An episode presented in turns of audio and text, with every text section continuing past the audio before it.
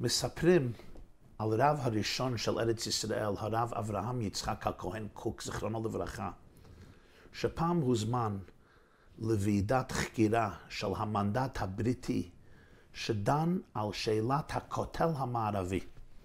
ואחד מהדגולים החשובים בממשלת הבריטים פנה לו הרב קוק ושאל אותו, מדוע היהודים מאוהבים כל כך עם הכותל המערבי?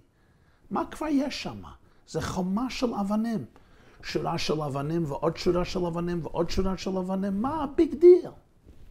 ענה לו הרב קוק, אכן, לפעמים יש אבנים שהם רכים ורגישים כמו לבבות, ולפעמים יש לבבות שהם קשים וקשוחים כמו אבנים. היום נדבר על אחת מהפרשיות הכי כואבות והכי מעורפלות בכל התנ"ך. נמצא בפרשת חוקת בספר במדבר, פרק כ'. בואו נזכר על פרטי הסיפור. היהודים כבר נודדים במדבר 40 שנה, מגיעים למקום שנקרא מדבר צין. שם נפטרת מרים, אחותה המבוגרת של משה רבינו ואהרון הכהן, היא נפטרת לבית עולמה והיא נקברת שם. ממשיכה התורה לספר, ולא היה מים לעדה.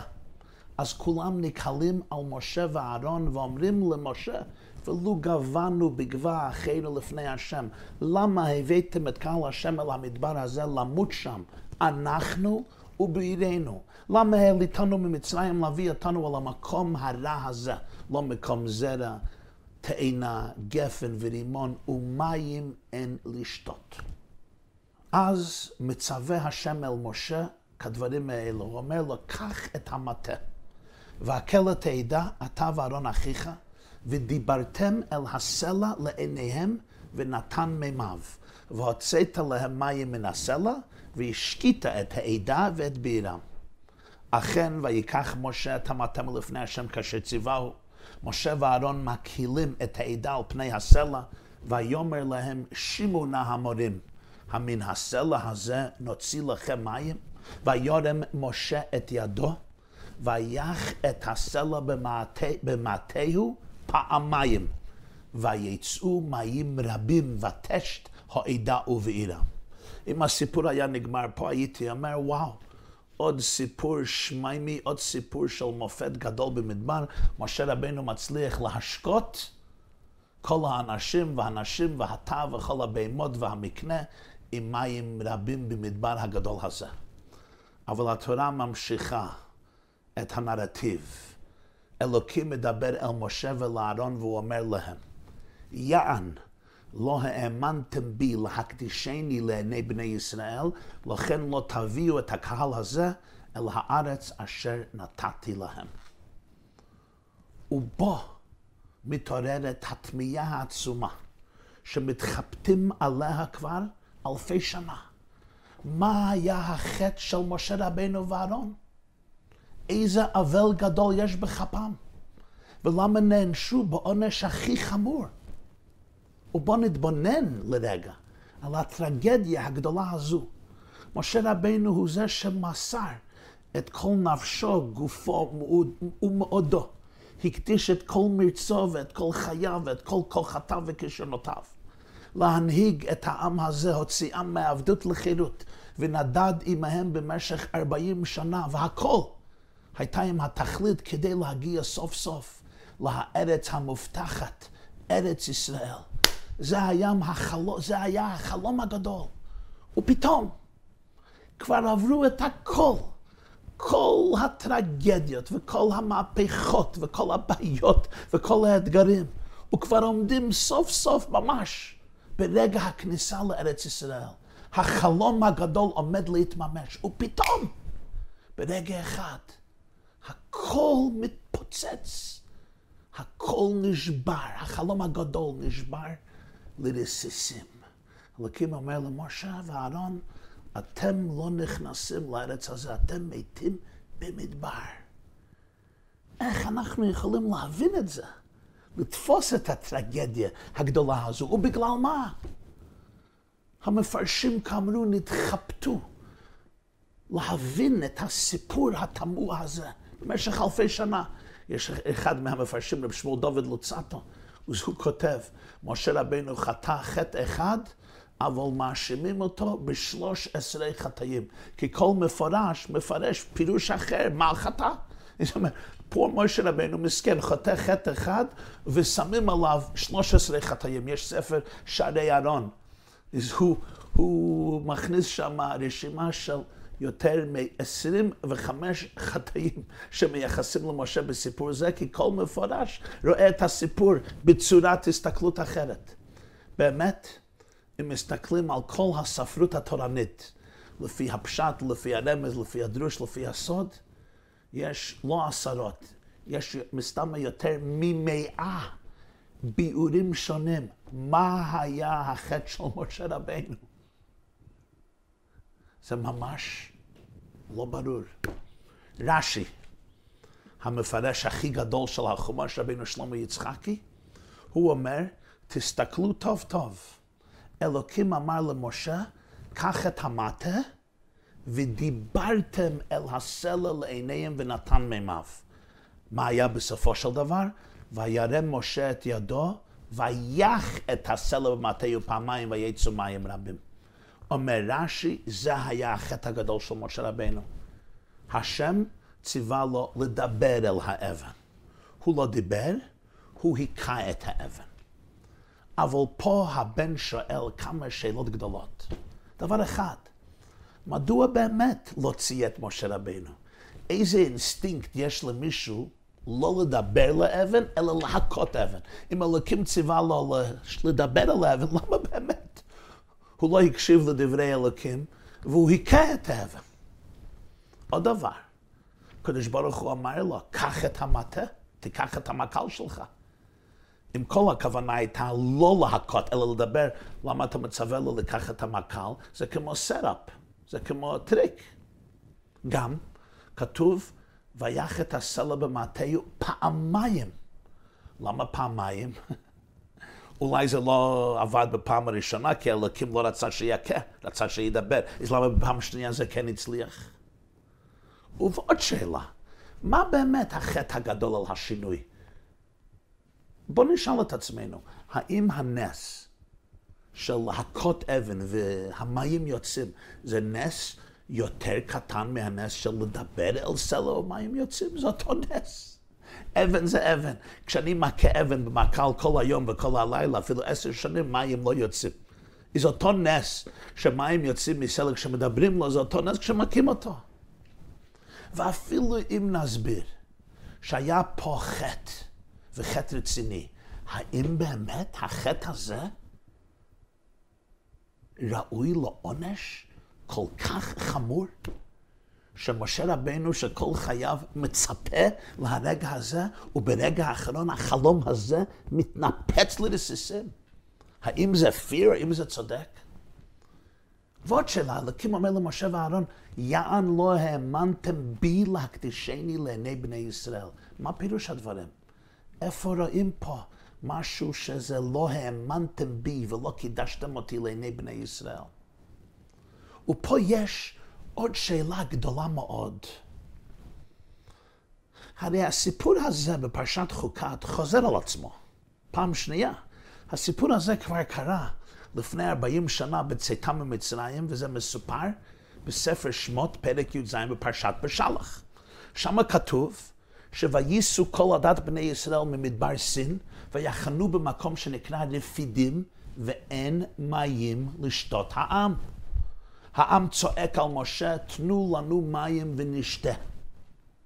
הם שואלים אותו שמה כמו שהם שואלים פה, למה זה העליתנו ממצרים להמית אותי ואת בניי ואת מקניי בצמא? משה רבנו צועק אל אלוקים, מה אעשה לעם הזה? עוד מעט וסקלוני. מה אומר הקדוש ברוך הוא למשה רבנו? הוא אומר לו, תיקח את המטה אשר הכיתה בו את היאור, הנני עומד לפניך שם על הצור בחורב, והכית בצור, ויצאו ממנו מים ושתה העם, ויעש כן משה לעיני זקני ישראל. הרי שלפני ארבעים שנה ציווה הקדוש ברוך הוא למשה לקח את המטה שלו ולהכות את האבן, והכית בצור. ויצאו ממנו מים ושתה העם, ואכן כך הוא עשה. אז אני כבר יכול להבין למה בפעם הזו, אחרי 40 שנה, אולי משה חשב עוד הפעם שעליו להכות את האבן ולא לדבר על אבן. הרי בפעם הראשונה, הקדוש ברוך הוא אמר לו, והכית בצור. אבל בפעם זו, הכל השתנה. אלוקים אומר לו, ודיברתם על הסלע, ובגלל השינוי הזה, אומר לנו רש"י, בגלל זה הוא לא נכנס לארץ ישראל. האם אנחנו יכולים לקבל איזה הבנה והשגה בסיפור זה שזועק עד לשמיים?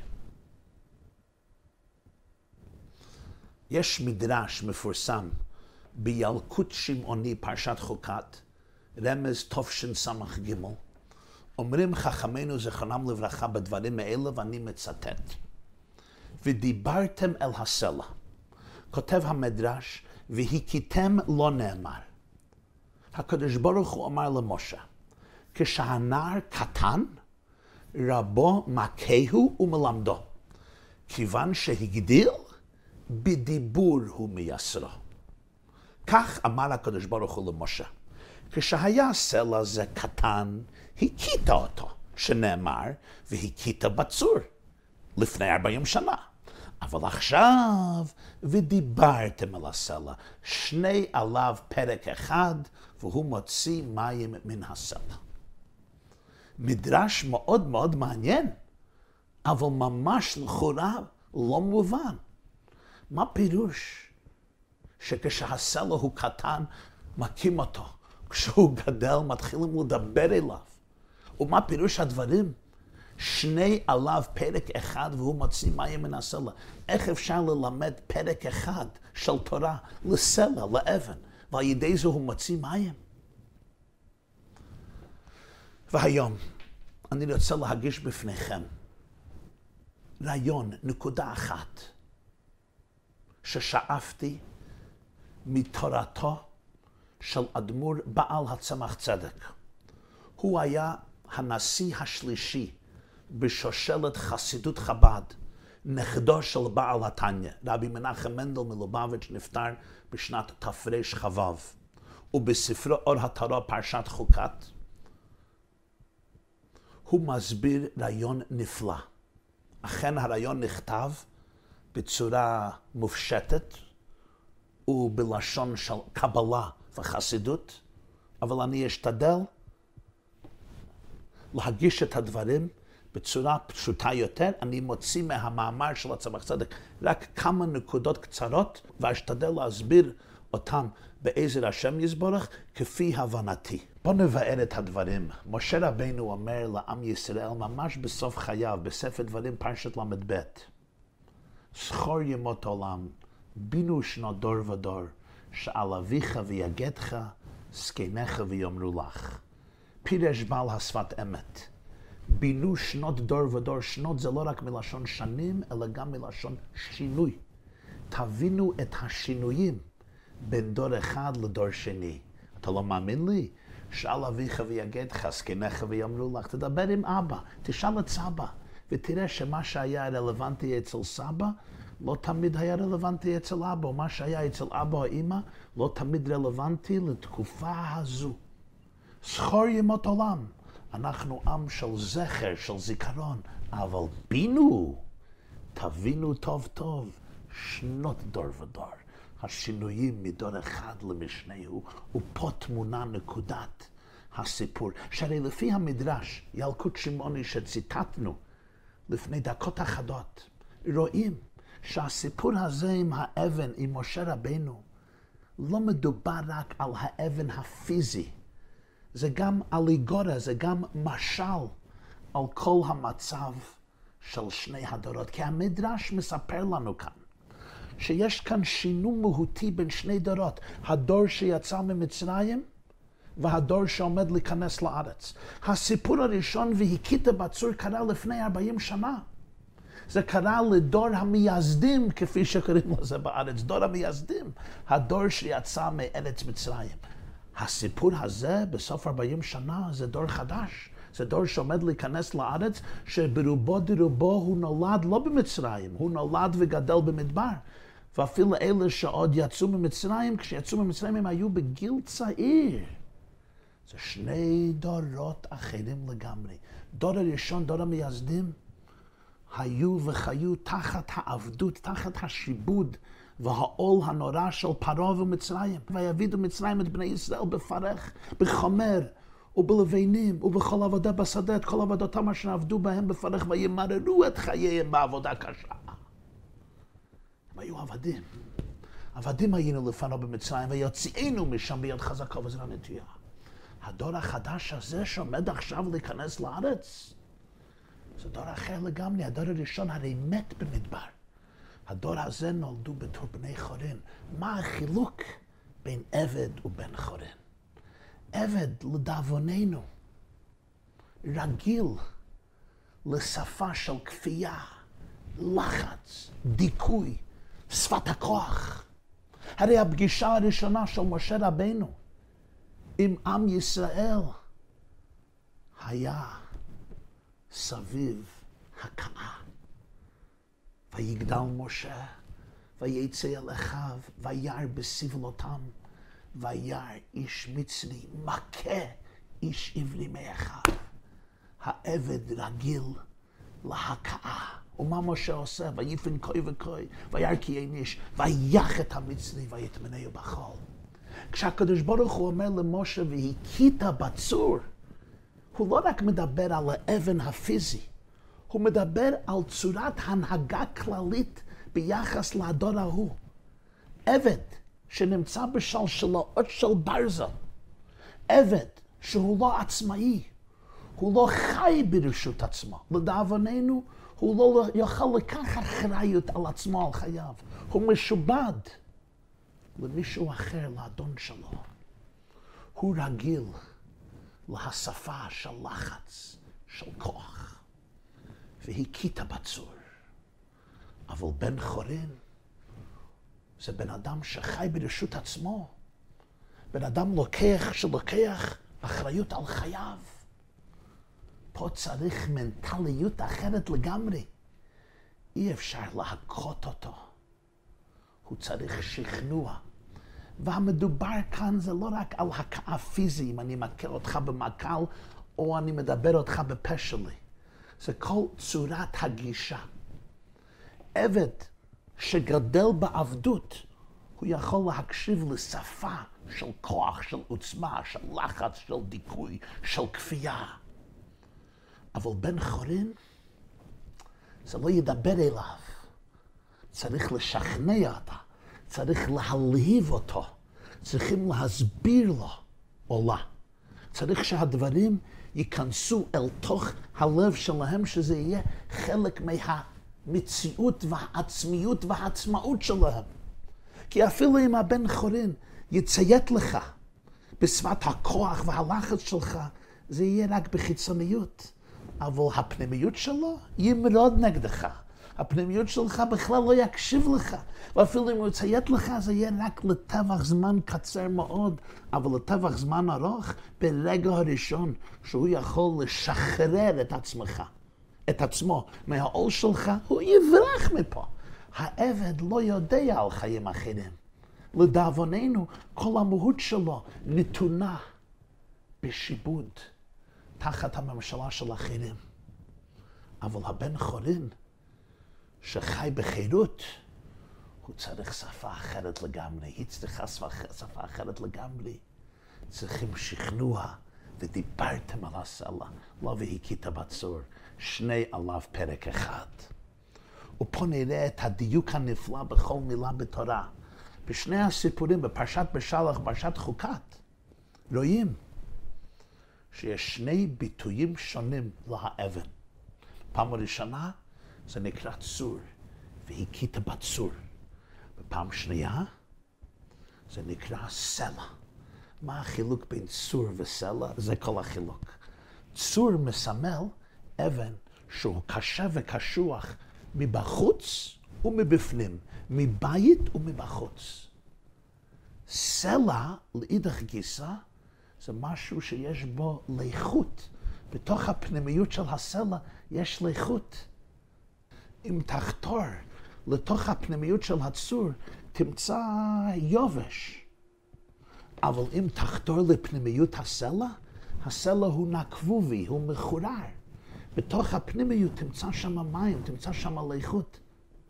בספר החסידי אוהב ישראל, מהרב הקדוש רבי אברהם יהושע אשל מאפתא, בפרשת חוקת, אומר משהו נפלא. אומר, תיקחו את המילה סלע בעברית. המילה מורכבת משלוש אותיות, סמך, למד, עין. עכשיו תכתבו כל עוד במילואה. סמך זה סמך, סמך מם חוף. עכשיו תכתבו למד במילואה, למד, למד מם דלת, למד. עכשיו תכתבו עין במילואה, עין, כמו עין, עין יוד נון. אז יש סמך, למד ועין. מה, המיל, מה האות האמצעית של סמך? מם. מהי האות האמצעית של למד? מם. ומהי האות האמצעית של עין? יוד. אז יש פה מם ויוד ומם. מים. כי כשאני מסתכל על הסלע בחיצוניות, באמת הוא אבן, הוא כמו צור, יבש וקשה, אין בו שום איכות. אבל אם אתה חוטא לפנימיות של הסלע, סלע תלך לנקודה האמצעית, לאמצע הסמך, מם, לאמצע הלמד, מם, לאמצע העין, יוד. ומה תמצא שם? תמצא מים. וזה כל החילוק. צור, אני צריך להכות, אני צריך לכפות אותו להוציא מים. אין בו מים. אז אני כופה אותו מבחוץ שיוציא מים. אבל הסלע, למה אתה מכה אותו? למה אתה צריך להכות אותו? ודיברתם על הסלע. הוא מלא מים, אתה לא צריך להכות אותו. זה מה שהוא. אתה רק צריך לסלק את השכבות החיצוניות. האיכות כבר נמצא, לא צריך ללחוץ אותו, להפך. תעזור לו לגלות הפנימיות, המהות שלו. תעזור להסל לגלות הפנימיות שלו, כי בתוך תוכו כבר יש מים. ומה קורה אם אני מכה את הסלע? אז להפך. לא רק שזה לא יועיל להוצאת המים, זה גם יפריע. למה? אני מכה אותו, אז הוא צריך להגן על עצמו. אז הוא מתלבש כביכול עם יותר לבושים ויותר כיסויים, ואז אני מתרחק מהיכולת להוציא מים מהפנימיות. כי אני מכה אותו, אז הוא רוצה להגן על עצמו, אז הוא מכסה את עצמו בשכבות יותר חזקות ויותר גסות, וזה מעלים על המים. ולכן, כשהקדוש ברוך הוא מדבר למוישה, אומר, ודיברתם על הסלע ונתן מימיו, ונתן מימיו. אבל בסיפור עצמו כתוב, ויח משה את הסלע פעמיים, ויצאו מים רבים. לא כתוב, ויצאו מימיו. למה? מה קרה? מה החילוק? אה, עכשיו נבין. אם אני מדבר על הסלע, אז ונתן מימיו. זה המים שלו.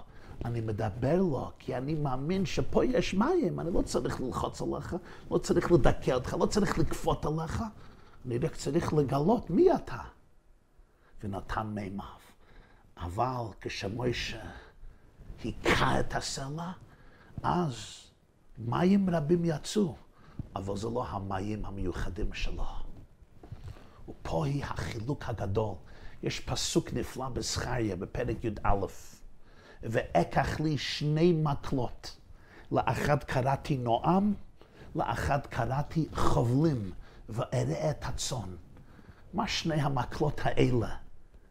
שני מקלות, מקל נועם, מקל חובלים. המפרשים מתחבטים בזה. רש"י אומר שזה היה החילוק בין רחבעם וירבעם. המצודות אומר שזה היה החילוק בין החשמונאים בתחילת ממלוכתם.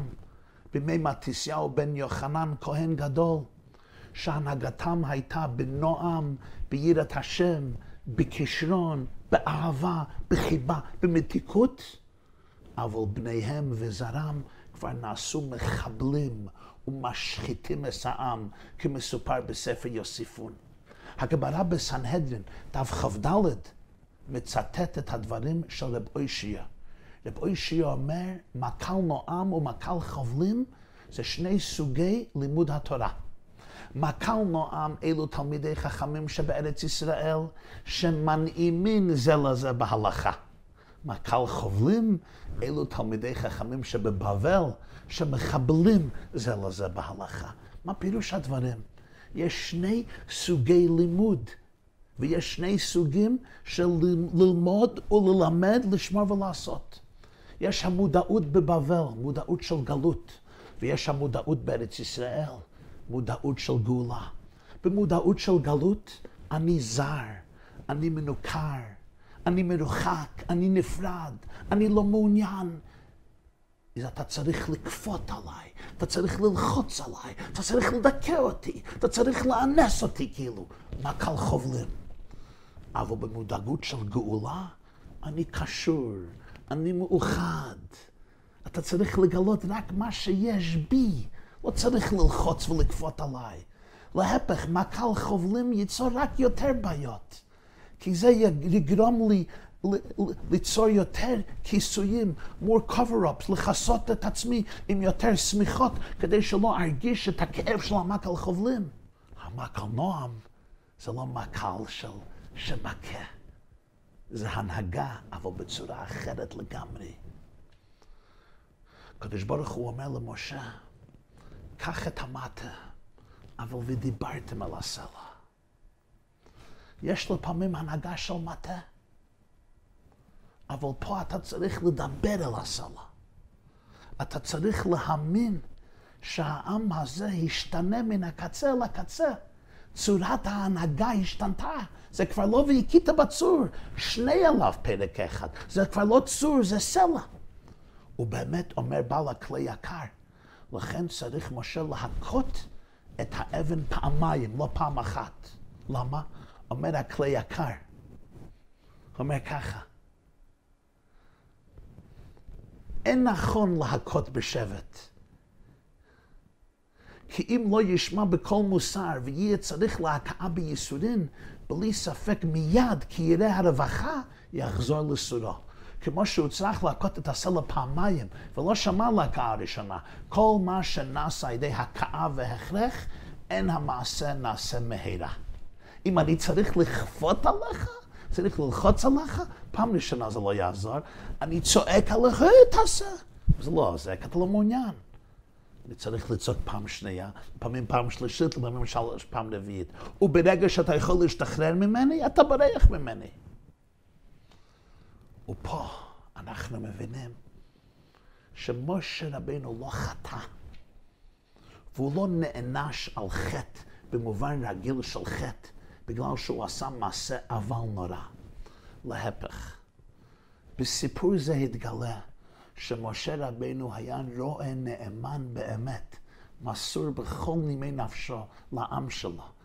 ויגדל משה ויצא אל אחיו וירא בסבלותם. הוא הזדהה לגמרי עם סבלותם. הם היו אחים שלו. הוא זה שצעק לאלוקים, למה הרי אותה לעם הזה? ומאז באתי לדבר אל פרעה, הירה לעם הזה, והצל לא הצלת את עמך בסוף פרשת שמות. ובגלל ההזדהות שלו עם העם שלו, בסופו של דבר הוא צריך להישאר עם הדור הזה. ברגע הגדול הזה, משה רבינו לא יכול להיפרד מעמו בגלל אהבתו עליהם. הוא זה שצעק לאלוקים כשהוא רצה לכלות אותם לאחרי חטא העגל. אם תישא חטאתם, בסדר, ואם אין, מחני נא מספרך אשר כתבת. אני לא יכול להתקיים בלעדם. ברגע הזה מתבטא את אהבתו, את המסירות של משה רבינו על העם. הוא לא יעבור את המטמורפיזה, את המטמורפיסס, את השינוי הדרסטי הזה בין צור וסלע.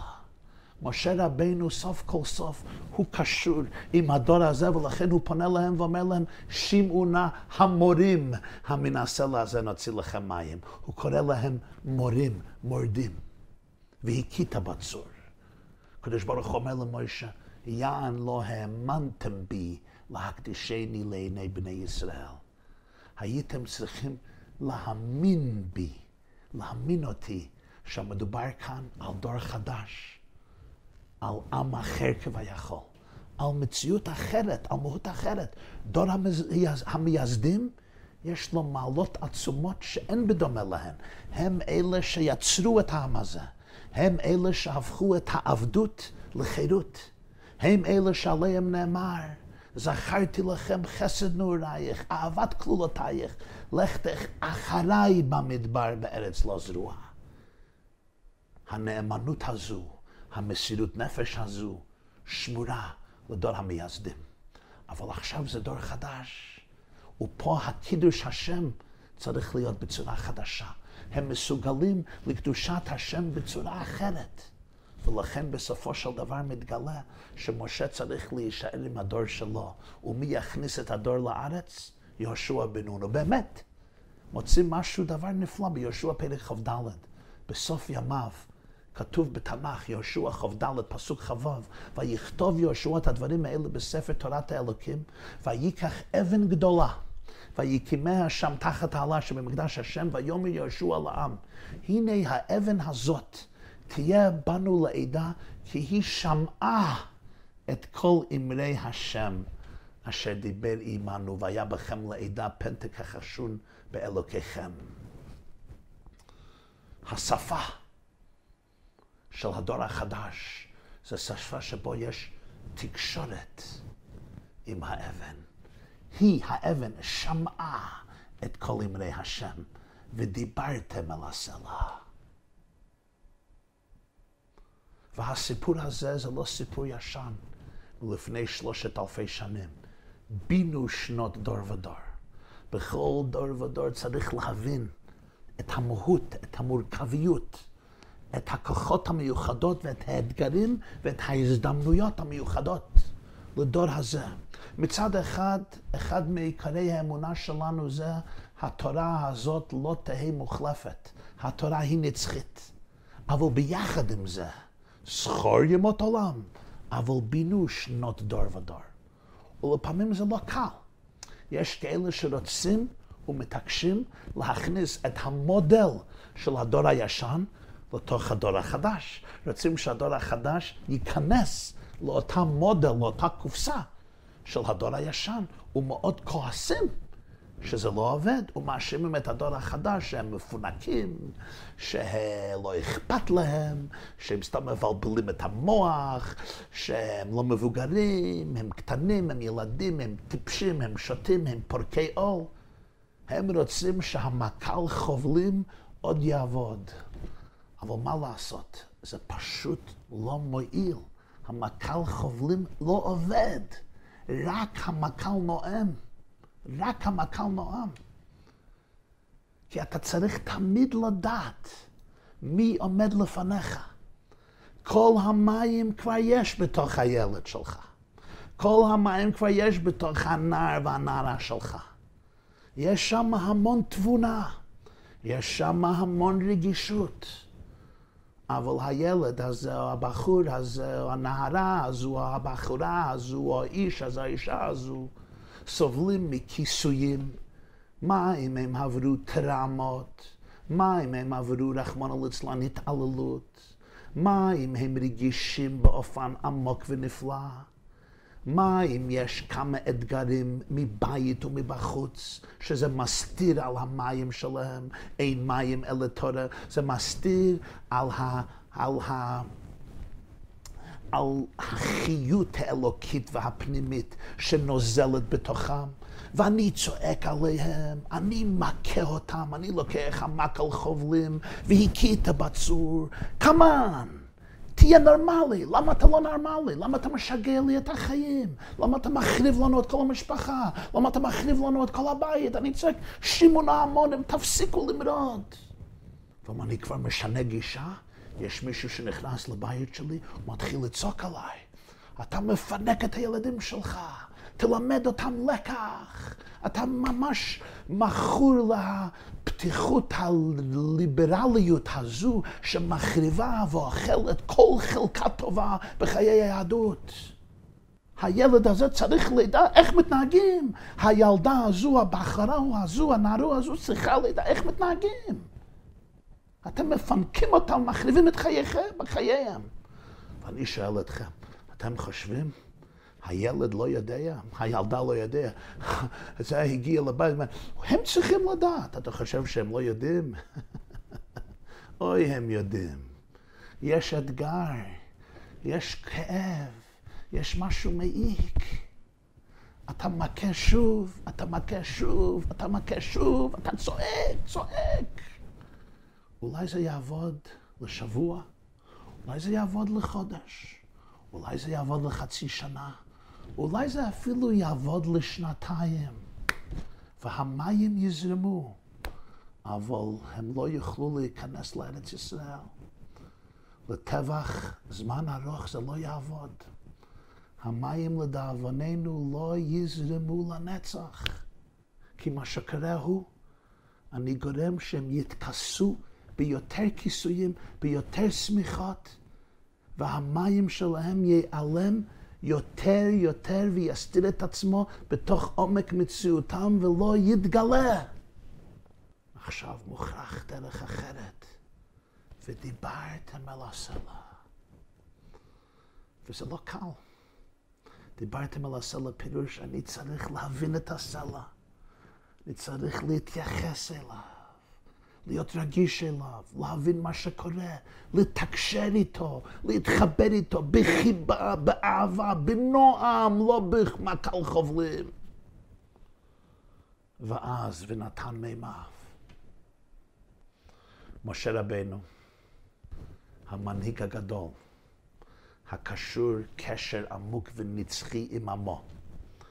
משה שעמד לצד עמו בזמנים הקשים ביותר. הוא עוד רואה את העם שלו, את הילדים שלו, כאשר יישא האומן את היונק. הוא רואה את עם ישראל בדרגת צור, ולא בדרגת סלע. הוא שייך לדור המייסדים, והוא נשאר במדבר ביחד איתם. הדור החדש צריך להבין שלא בחיל ולא בכוח, כי אם ברוחי אמר השם צבאות. שלום רב.